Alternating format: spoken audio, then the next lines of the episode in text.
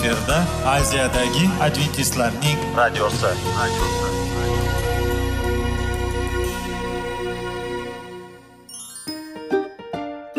Assalomu alaykum radio tinglovchimiz. Dasturimizga xush kelibsiz va bizni tinglayotganingizga sizdan judayam minnatdormiz.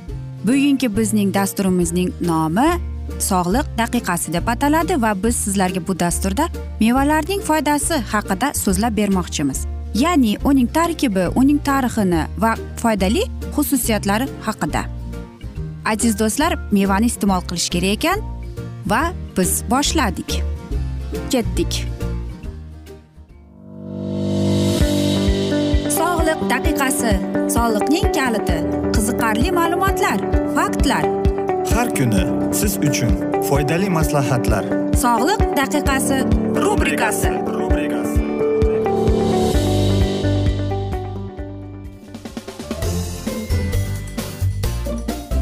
assalomu alaykum aziz radio tinglovchilar. Dasturimizga xush kelibsiz va biz sizlar bilan tana va sog'liq degan dasturda xushvaqt bo'ling deb aytamiz. Va bizning bugungi dasturimizning mavzusi quloqlarimizni parvarishlash deb ikkinchi dasturni boshlaydik albatta biz sizlar bilan o'tgan yilgi dasturda sizlarni qanday qilib o'zingizni quloqlaringizni parvarishlash tozalashni aytgan edik.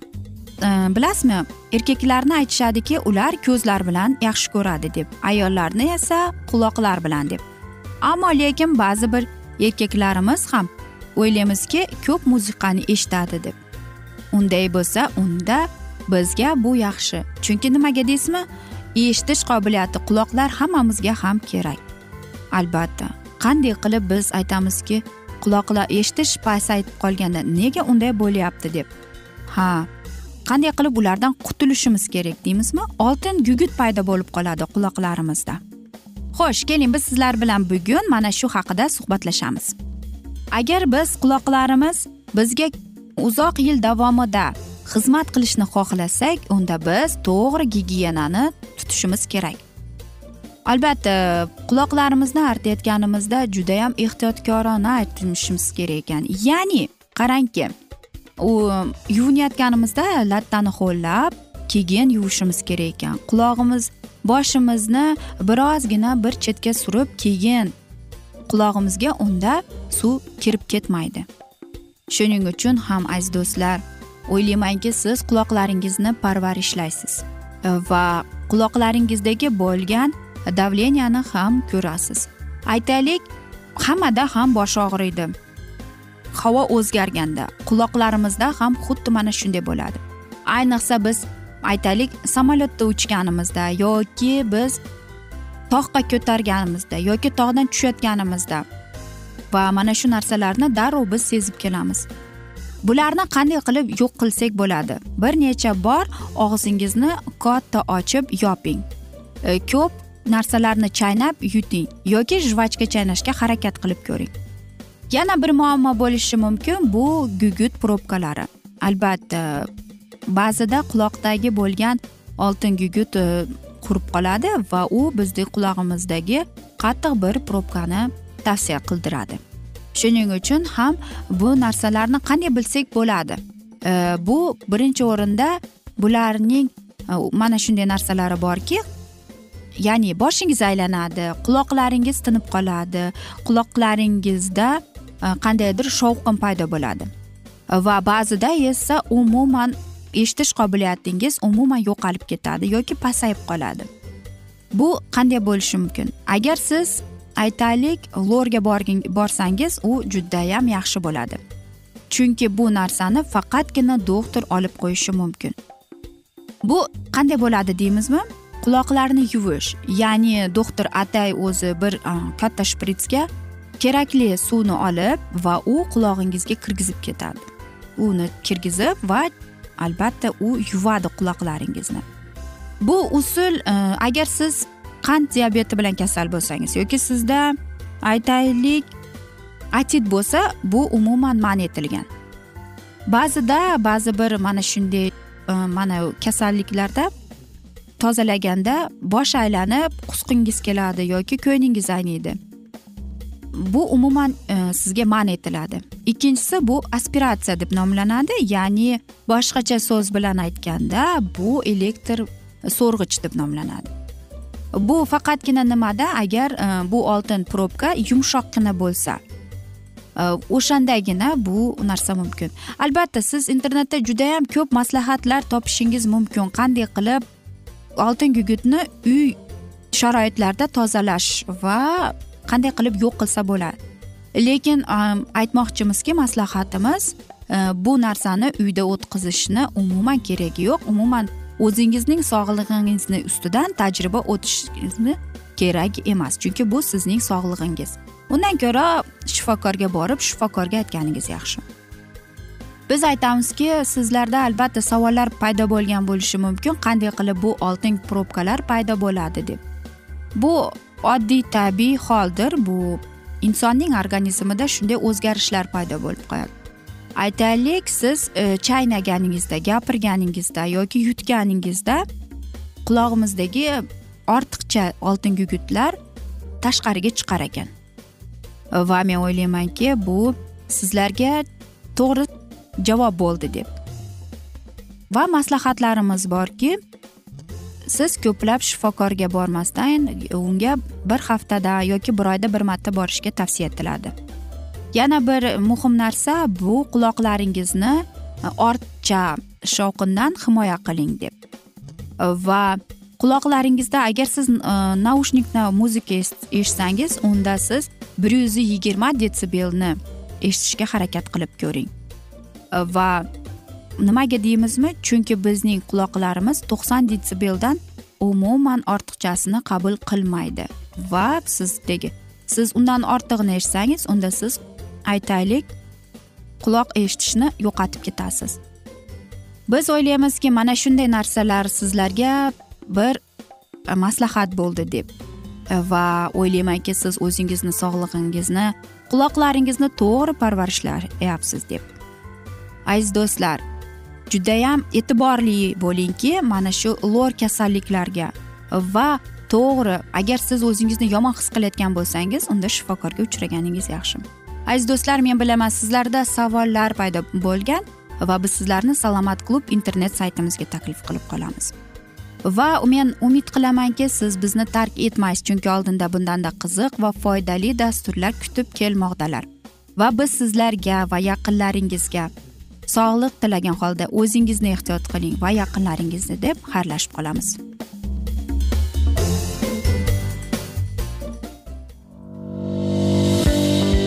Sog'liq daqiqasi soliqning kaliti qiziqarli ma'lumotlar faktlar.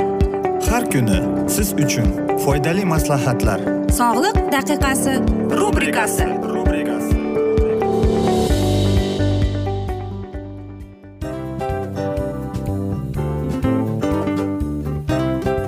mana ha hayotda hamma narsaning yaxshi narsalar tugaydi va yakunlaydi degandek bizning dasturimizga ham yakun keldi. O'ylaymanki bizning dasturimiz sizga foydali bo'ldi deb aziz radio tinglovchimiz. Va siz o'zingiz uchun kerakli xulosalar kerakli maslahatlar olib oldingiz. Aziz radio tinglovchimiz biz bilan qoling va keyingi dasturlarimiz albatta undanda qiziqroq bo'ladi. Mana shu alfozda sizlar bilan xayrlashib qolaman.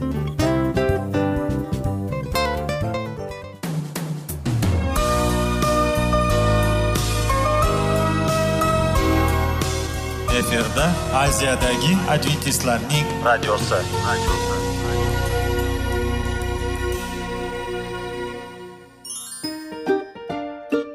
assalomu alaykum aziz radio tinglovchilar dasturimizga xush kelibsiz va sizlarni bugun biz munosabatlar haqida sizlar bilan suhbat qurmoqchimiz.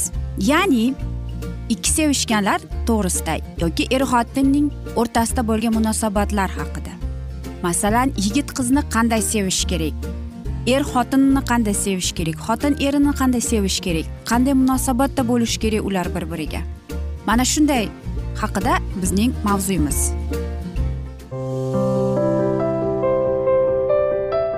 Har kuni har xil kasbdagi odamlar bilan sirlashish va bo'lishish sevgi rashq munosabat bularni hammasi til izhori rubrikasida.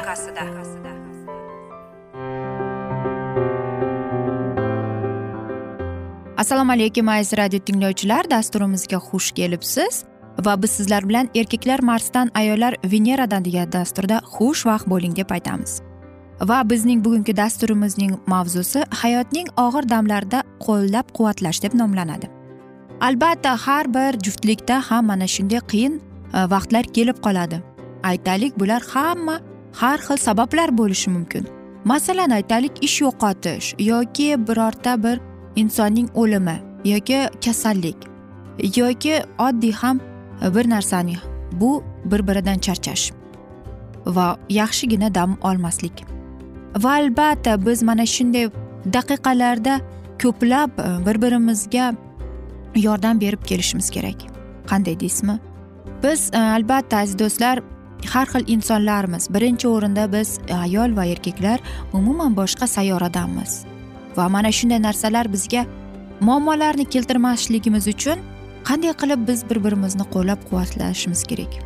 Keling sizlarga bir bir ikkita misol keltirib chiqaramiz. Qanday qilib siz birinchi o'rinda agar sizning turmush o'rtog'ingizning hayotida og'ir damlar kelgan bo'lsa qanday qilib siz unga dalda berishingiz mumkin? Har bir narsani hech qachon unutmang. Qanchalik siz so'zlarni aytaylik judayam bir ehtiyotkorlik bilan tanlab e, o'ylab gapirganingiz bilan u baribir hech narsani o'zgartirmaydi. Siz o'ylaysizki agar men to'g'ri gapirsam va siz o'ylaysiz men mana shu turmush o'rtog'imga mana shunday qilib dalda beryapman deb. Yoki aytaylik bir biringizga time out oling. Va vaqtincha o'zlaringiz har biringiz faqatgina o'zingizga bor e'tiborni jamlang. Va keyingina siz e, mana shu suhbatni qaytadan ishlab e, gaplashishingiz mumkin. Ya'ni bir biringizni tushunib hurmat bilan mana shu muammoni yechimini izlashga harakat qilib qolasiz. Albatta mana shunday qiyin damlar ko'plab e, munosabatlarni buzib keladi. Va albatta ko'plab insonlar o'ylaydiki sevgi bu faqatgina o'zining e, ismlari bilan nomlash deb. Yo'q unday emas. Judayam ko'plab narsalar boshqacha bo'lib keladi. Qanchalik siz mana shu juftingizga yaqinsiz? Bu albatta siz unga qo'llab quvvatlaysiz qanchalik sizga og'ir bo'lmasin. Lekin hech qachon unutmang u sizning e, jufti halolingiz. Har doim ham sizning so'zlaringiz aytayotgan qilayotgan ishlaringiz faqatgina sevgi to'la bo'lishi kerak ekan. Shuning uchun ham aytishadiku ko'plab narsalarni mana shunday tortishuvlarni janjallarni qanday qilib olib qochsa bo'ladi? Bu faqatgina sevgi bilan. Va albatta agar mana shunday vaqtlar kelgan bo'lsa sizlarga bir misol bor. Bir kuni biz turmush o'rtog'imiz bilan o'zimizga birozgina kichkina ta'til uyushtirdik. Qanchalik biz yo'lda bo'ldik. Biz ikkalamiz ham charchaganmiz va albatta biz e, mana shu hafta davomida men o'ylardimki mening turmush o'rtog'im men aytgan e, ta'tildan xursand bo'ladi deb. Ammo lekin u shunday deb aytdi menga afsus bilan. Bilasanmi menda shunday his borki xuddi mening hayotim bu judayam uzoq azob deb aytadi. Va men albatta chidalmasdan unga aytdim. Bilasanmi men tushunib turibman sen nimani ma'noda tutganingni menda ham xuddi shunday his bor. Xuddi bizni kimdir bizdan bor suvimizni siqib chiqarayotgandek kel mana shu asnoda hozir biz ikkalamiz bir birimizga ta'til olamiz deb. Va u mening turmush o'rtog'im judayam xursand bo'ldiki qanday qilib biz o'zimizga mana shunday ta'tilni o'rnatishgan.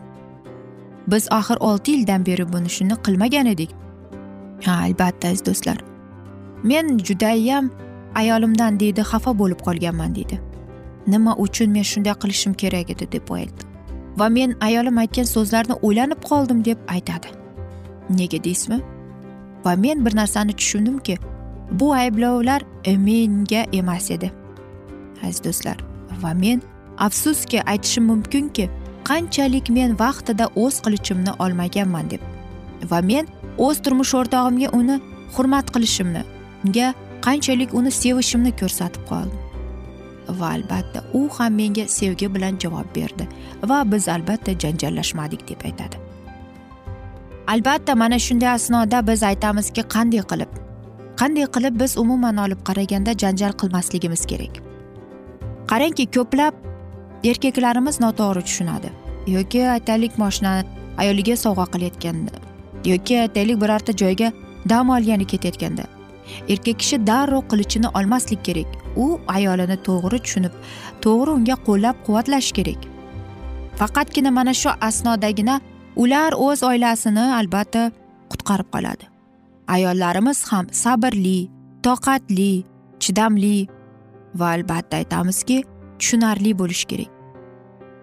Va mana shunday asnoda bir biringizga dalda bo'lmasangiz. Qo'llab quvvatlamasangiz unda boshqa savol kelib tug'iladi ammo lekin sizning o'rtangizda sevgi bor ekan demak siz bor muammolarni hal qilishga harakat qilib ko'rasiz.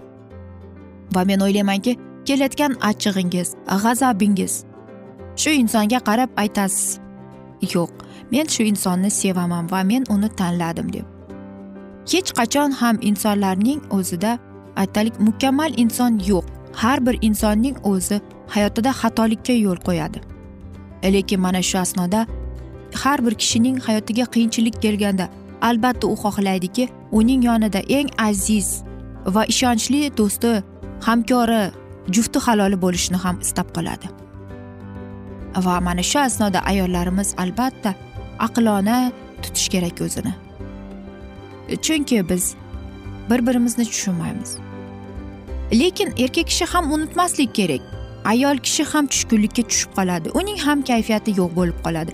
Va mana shu borada erkak kishi hech ham qilichini chiqarmasdan urushmaslik kerak. U ham uni tushunishi kerak. Axir biz o'zga sayyoralik insonlar bo'lganimiz bilan biz bir birimizni sevib kelamiz. Birinchi o'rinda biz insonlarmiz. Biz do'stmiz aziz do'stlar. Va men o'ylaymanki sizlarda ham shunday bor. Hech qachon unutmasligimiz kerak. Biz ayollar va erkaklar boshqa dunyoqarashimiz bo'lgani bilan biz bir birimizni sevamiz. Aziz do'stlar mana shunday asnoda afsuski bugungi dasturimizni yakunlab qolamiz. Lekin biz umid qilamizki sizlar bizni tark etmaysiz deb. Chunki oldinda bundanda qiziq va foydali dasturlar kutib kelmoqdalar.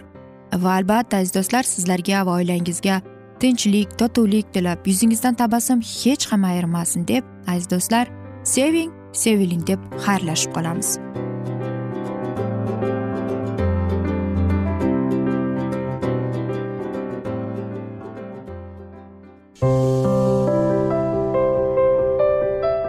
Har kuni har xil kasbdagi odamlar bilan sirlashish va bo'lishish sevgi rashq munosabat bularni hammasi dil izhori rubrikasida.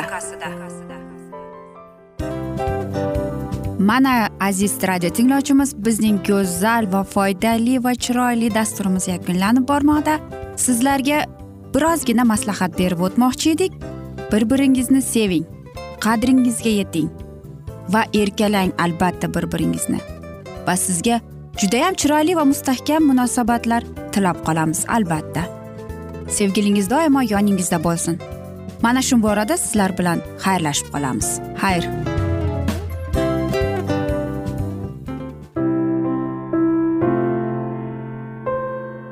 Hayotning noni. Qiziqtirgan savollar va javoblar. Buning hammasi ko'ngil uchun ozuqa rubrikasida.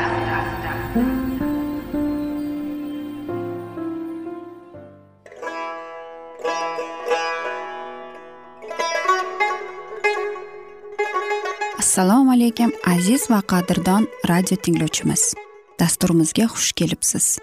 Bizni tanlaganingizga sizdan minnatdormiz. Va keyingi bizning e, mavzuyimiz diniy masalasiga kelib chiqadi. Albatta hayot davomida bizni ko'plab qiziqtirgan savollar bordir. Va mana shu savollarga qayerdan javob olsam ekan deb o'ylanib chiqamiz. Yoki hayotning ma'nosi nimada deb o'ylanamiz. Mana shunday dasturlar o'ylaymanki siz sizga foyda bo'ladi deb. Aziz do'stlar e, bugungi bizning mavzuyimizning nomi vahiy kitobning ochilishi. Ya'ni bu muqaddas kitobda shunday deb yozilgan. Vahiy kitobning bizga bo'lgan buyuk sovg'asi deb. Albatta mana shunday kitobni eshitib quloq solib e'tiborli bo'lsak biz o'zimizning qiziqtirgan hayotning ma'nosini tushuntirgan bizni kelajakda nima kutayotganini mana shu kitobdan bilib olamiz albatta. Va xudoyim bizga qanday rejalar ochgan bizga qanday kelajak kutayotganini aynan mana shu kitobda yozilgan va bizga mana shu kitob orqali xudoyim bizga aytib bergan.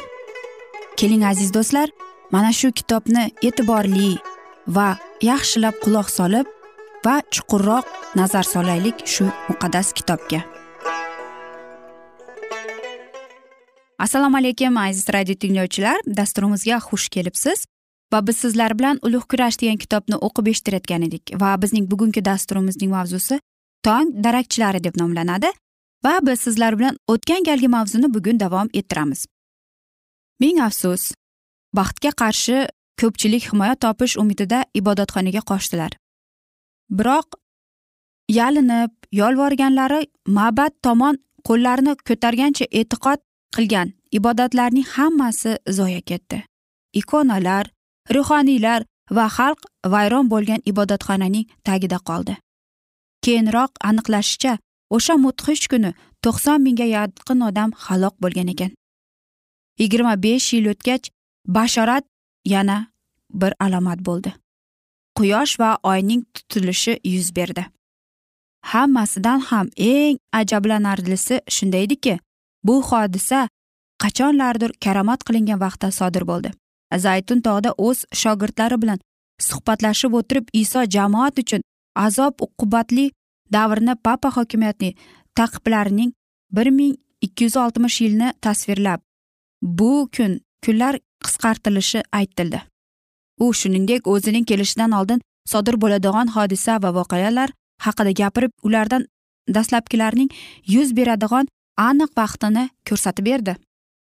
O'sha musibatdan keyin quyosh tutilib oy xiralashdi bir ming ikki yuz oltmish kun yoki yil davri bir ming yetti yuz to'qson sakkizinchi yili yakunlanadi.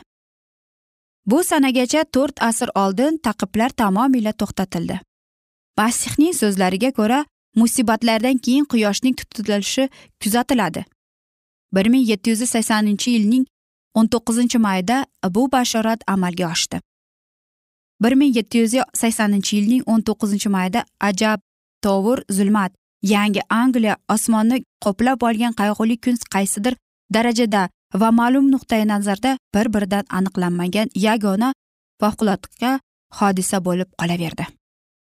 Massachusets shtatidagi guvohlardan biri bu hodisani quyidagicha tasvirlaydi. Erta tongda quyosh chiqdi. Ammo tez orada quyoshni bulutlar qopladi va asta sekinlik bilan quyosh borgan sari bota boshladi. Bu qorong'i va dahshatli bulutlarni vaqti vaqti bilan chaqmoqlarning chaqnashi yoritib turardi. Momaqaldiroq gumburlardi va yomg'ir esa yog'a boshladi. Ertalabki soat to'qqizlarda bulutlar birozgina tarqalib osmon sariq bug'doy yoki mis sariq to'sga kirdi. Shuningdek shuning uchun yer g'oyalar daraxtlar binolar suv va odamlar hamma hammasini go'yoki umuman boshqacha sirli tasvirda jilovlaydigan edi. Bir necha daqiqa vaqt o'tgach katta qora bulut ufqdagi ingichka chiziqdan tashqari butun osmonni o'rab oldi va kun shunaqangi qorong'ulashib ketdiki go'yoki u yoz kunlarida odatga ko'ra kechki vaqt soat to'qqizlarga tushgan qorong'i tunga o'xshab qoldi. Qo'rquv hayajon va qandaydir e'zozli his tuyg'u asta sekinlik bilan odamlarni qamrab oldi. Ularning eshiklarini oldida ayollar sukut saqlaganlaricha qorong'ilikni kuzatib turardilar. Erkaklar dalaning ishlarini tugatib ortga qaytib keldilar. Duradgorlar o'z qurol asboblarni joyildilar. Temirchilar temirxonalarni tark etdilar. Savdogarlar do'konlarini yopdilar. Qo'rquvdan qaltirayotgan o'quvchilar ustozlar maktabdan uylariga jo'natib yuborilardi sayyohlar yaqin oradagi fermer xo'jaliklaridan biriga boshpana topdilar. Dahshatdan yuzlari oqargan lablari dir dir qaltirayotgan odamlarning tillarida va qalblarida faqatgina e, bir savol endi nima bo'ladi? Go'yoki nihoyatda kuchli bo'ron shiddat bilan mamlakatga yopirilayotganday va hozir zamon kelganday edi. Chiroqlar yoqildi kamindagi olov va kuz faslining oy chiqmagan kechasidagi singari yarqirab yonardi. Tovuqxonalarda tovuqlar ko'naqqa chiqib olib bir birlariga biqingancha uyquga ketdi.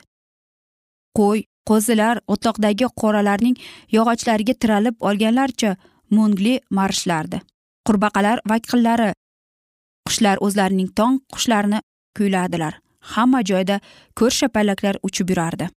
Ammo odamlar hali kech kirishga uzoq vaqt borligini bilardilar. Salimdagi chodirlar jamoatxonasining rohibi doktor nafanning uy fikr ibodat xizmatini o'tkazdi. Rohib o'z va'dasida bu zulmat g'ayri tabiiy holat ekanligini aytdi. Boshqa joylarda ham jamoat yig'ilishlari bo'lib o'tayotgan edi. Tayyorgarliksiz aytilayotgan va'zlarda shubhasiz muqaddas bitiklarda yuz so'z yuritilgan va mana shu hodisa bilan bog'liq bo'lgan alomatlar haqida gapirilardi ayniqsa kunduzgi soat o'n ikkilarda yorug' olamni nihoyatda qorong'i zulmat qopladi mamlakatning ko'p joylarida tushga yaqin kun shunchalik qorong'ilashib ketdiki hattoki shamsiz na soatlarning siferblatini ko'rib bo'lardi. Na tushlik qilib bo'lardi na uy ishlarini bajarib bo'lar edi. Mamlakatning qayta katta maydonini sharqda falmautdan tortib to g'arbning konnektikua va albaniyagacha zulmat qopladi. Janubda zulmat dengiz sohillari shimolda esa amerikaning uzoq qishloq va ovullarni qamrab oldi. Quyosh botishidan bir yoki ikki soat zulmat tarqalib ketdi. Osmon qisman oyinlashlardi. Garchi quyuq qora tuman avvalgiday osmonni to'sib turgan bo'lsa da quyosh chiqdi. Quyosh botganidan so'ng osmonni yana bulut qopladi va tez qorong'i tusha boshladi. Yarim kechaning zulmati xuddi kunduzning qorong'iligiday nihoyat qo'rqinchli va vahimali edi. Oyning to'lqinligiga qaramasdan sham chiroqlarsiz hech narsani ko'rib bo'lmas edi aziz do'stlar mana shunday alpozda biz bugungi dasturimizni afsuski yakunlab qolamiz. Va sizlarda savollar bo'lgan bo'lsa biz sizlarni alkitab media internet saytimizga taklif qilib qolamiz deymiz. Va biz sizlarga va oilangizga tinchlik totuvlik tilagan holda xayrlashib qolamiz.